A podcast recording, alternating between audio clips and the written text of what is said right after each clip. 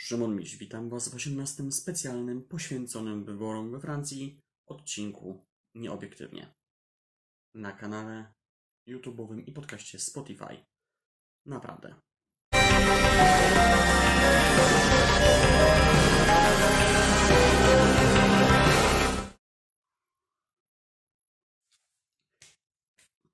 Wielkie brawa dla demokracji francuskiej. Wielkie brawa dla Francuzów. I wielkie brawa dla Emmanuela Macrona.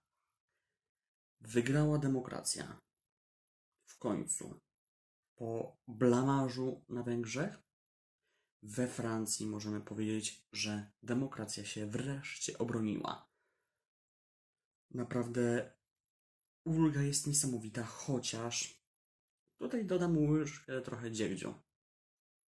Niestety.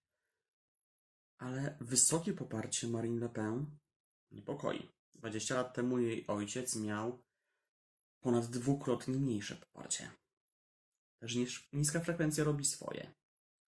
Dlatego Macron ma ogromne zadanie. Nie tylko poprowadzić Francję przez najbliższych 5 lat i Europę, miejmy nadzieję, do federalizacji Unii Europejskiej, ale też do znalezienia następcy swojego następcy, który wystartuje w wyborach prezydenckich w 2027 roku i je wygra z Marine Le Pen, bo ona się nie podda. Ona będzie dalej walczyć i będzie dalej startować w tych wyborach. I oby nie wygrała. A skrajności we Francji mają ponad 50%. I całe szczęście, że część z tych skrajności przeszło na stronę Macrona. Albo nie zagłosowało w ogóle też. Za chwilę też wybory parlamentarne, o których też będę mówił na pewno, bo to będą bardzo ciekawe wybory, w przeciwieństwie do tych przed, sprzed pięciu lat, gdzie one były raczej pewne, że Macron pociągnie za sobą falę i zdobędzie pełnię władzy. Chociaż było to zaskoczeniem, że aż tak pełnię władzy zdobędzie, że będzie miał absolutną władzę, ale jednak wszyscy się tego spodziewali, ponieważ Macron pociągnął za sobą wtedy miliony Francuzów. Teraz nie wiadomo. Być może będzie potrzeba rządu koalicyjnego we Francji. To wtedy partia Macrona i partia Mélenchona będzie musiała współpracować. No chyba, że Macron pójdzie z zielonymi, a zielonych starczy. Ludzi zielonych w parlamencie francuskim. Zobaczymy, to będą na pewno niespokojne czasy. O tyle dobrze, że Macron ma dosyć dużą władzę nad premierem i nad całym państwem w stosunku chociażby do tego, co jest w Polsce, bo mamy tam system półprezydencki. Ale sam fakt, że trzeba pilnować tego i patrzeć, co się tam dzieje. Bo to, że odepchnięto faszystów i ludzi związanych z Putinem, nie oznacza, że odepchnięto ich na zawsze. Oczywiście za pięć lat świat może wyglądać zupełnie inaczej. Może trwać druga, y, trzecia wojna światowa. Może być spokój i Putin może już w końcu nie żyć. Pytanie, co wtedy? Co wtedy? Czy będzie ktoś jeszcze gorszy w Rosji? Nie wiadomo. Chociaż prawdopodobnie niestety tak. Taka jest kolej rzeczy i trwania w Rosji.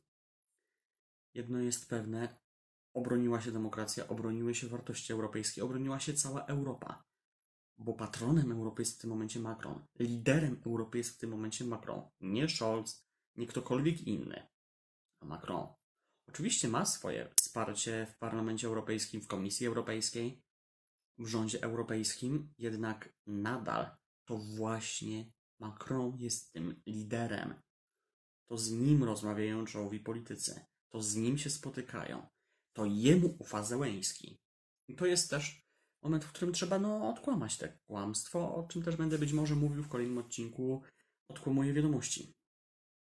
To na prośbę Zełęńskiego Macron dzwonił do Putina. I z tym Was zostawiam na kolejne odcinki.